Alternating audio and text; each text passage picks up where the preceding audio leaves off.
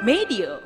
Anhedonia merupakan kondisi di mana seseorang mengalami kesulitan dalam menikmati hidup dan menikmati kesenangan. Nah, tanda-tanda umum yang perlu kamu waspadai jika menghadapi perasaan mati rasa secara emosional yaitu mengalami ketidakmampuan untuk menjalani kehidupan secara utuh, tidak mengetahui perasaan atau emosi yang dialami.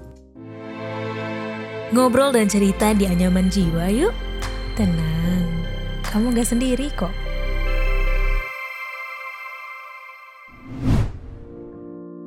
Halo, aku Ratu. Aku konselor dari teman bincang Indonesia. Di podcast Anyaman Jiwa episode kali ini, aku mau bercerita tentang perasaan yang kosong, perasaan hampa, atau bisa disebut dengan mati rasa secara emosional. Mati rasa secara emosional adalah kondisi ketika seseorang tidak lagi bisa merasakan, mengekspresikan, atau mengenali perasaannya sendiri. Hal ini bisa dikenal dengan istilah emotional numbness. Dalam beberapa kasus, kebanyakan mati rasa secara emosional tercipta setelah adanya perubahan emosi yang ekstrim. Yuk, sama-sama kita bahas lebih dalam tentang mati rasa secara emosional. Mati rasa tidak hanya dirasakan secara fisik, namun bisa juga terjadi secara emosional. Perasaan mati rasa secara emosional tidak hanya membuat seseorang mati rasa terhadap emosi seperti rasa marah atau sedih, tetapi emosi kebahagiaan juga. Sehingga biasanya orang yang mengalami hal tersebut kesulitan dalam memahami emosi atau perasaan yang dialaminya.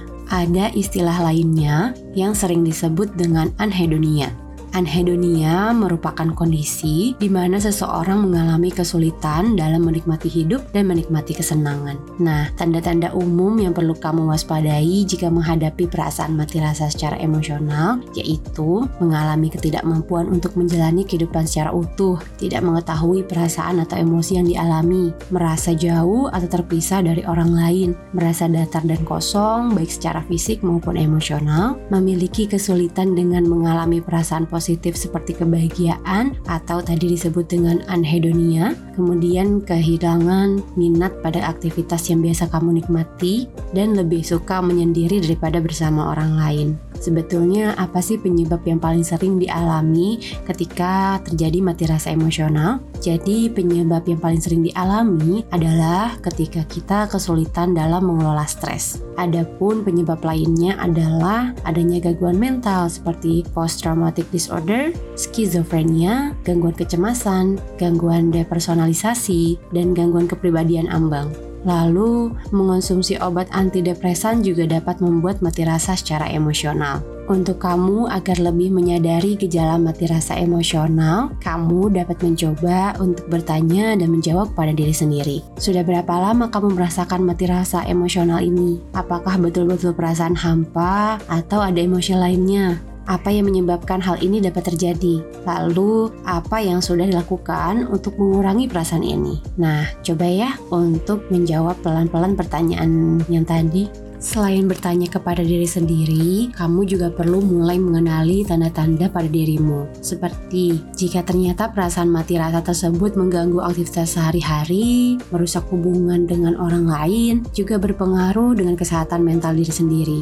Nah, ini dia beberapa hal yang bisa kamu terapkan untuk membantu mengatasi mati rasa emosional. Pertama, gerakan badanmu dan berolahraga. Coba untuk berjalan berkeliling ruangan yang ada di rumahmu dan coba gerakan tanganmu serta perlahan kamu rasakan gerakan itu. Gerakan itu nanti akan membuat tubuhmu lebih relaks. Jika memungkinkan, kamu bisa pergi berjalan keluar rumah atau melakukan aktivitas olahraga lainnya seperti bersepeda, berenang, maupun yoga. Kedua, mencoba untuk menghubungi orang-orang terdekatmu. Kamu bisa mulai bercerita tentang perasaan mati rasa yang kamu alami. Ketika kamu mencoba untuk berkumpul dengan orang-orang terdekatmu, dalam tubuh akan mengeluarkan hormon oksitosin yang akan melepaskan rasa hampamu. Jika memang kamu tidak nyaman untuk menghubungi orang-orang terdekatmu, kamu bisa mencoba mengikuti forum online, komunitas support group, dan juga sesi terapi dengan psikolog atau psikiater. Ketiga, coba teknik grounding. Berikut beberapa ide untuk melakukan teknik grounding. Pertama, mulai dengan tarik nafas dalam-dalam dan perhatikan nafasmu bergerak masuk dan keluar dari tubuhmu.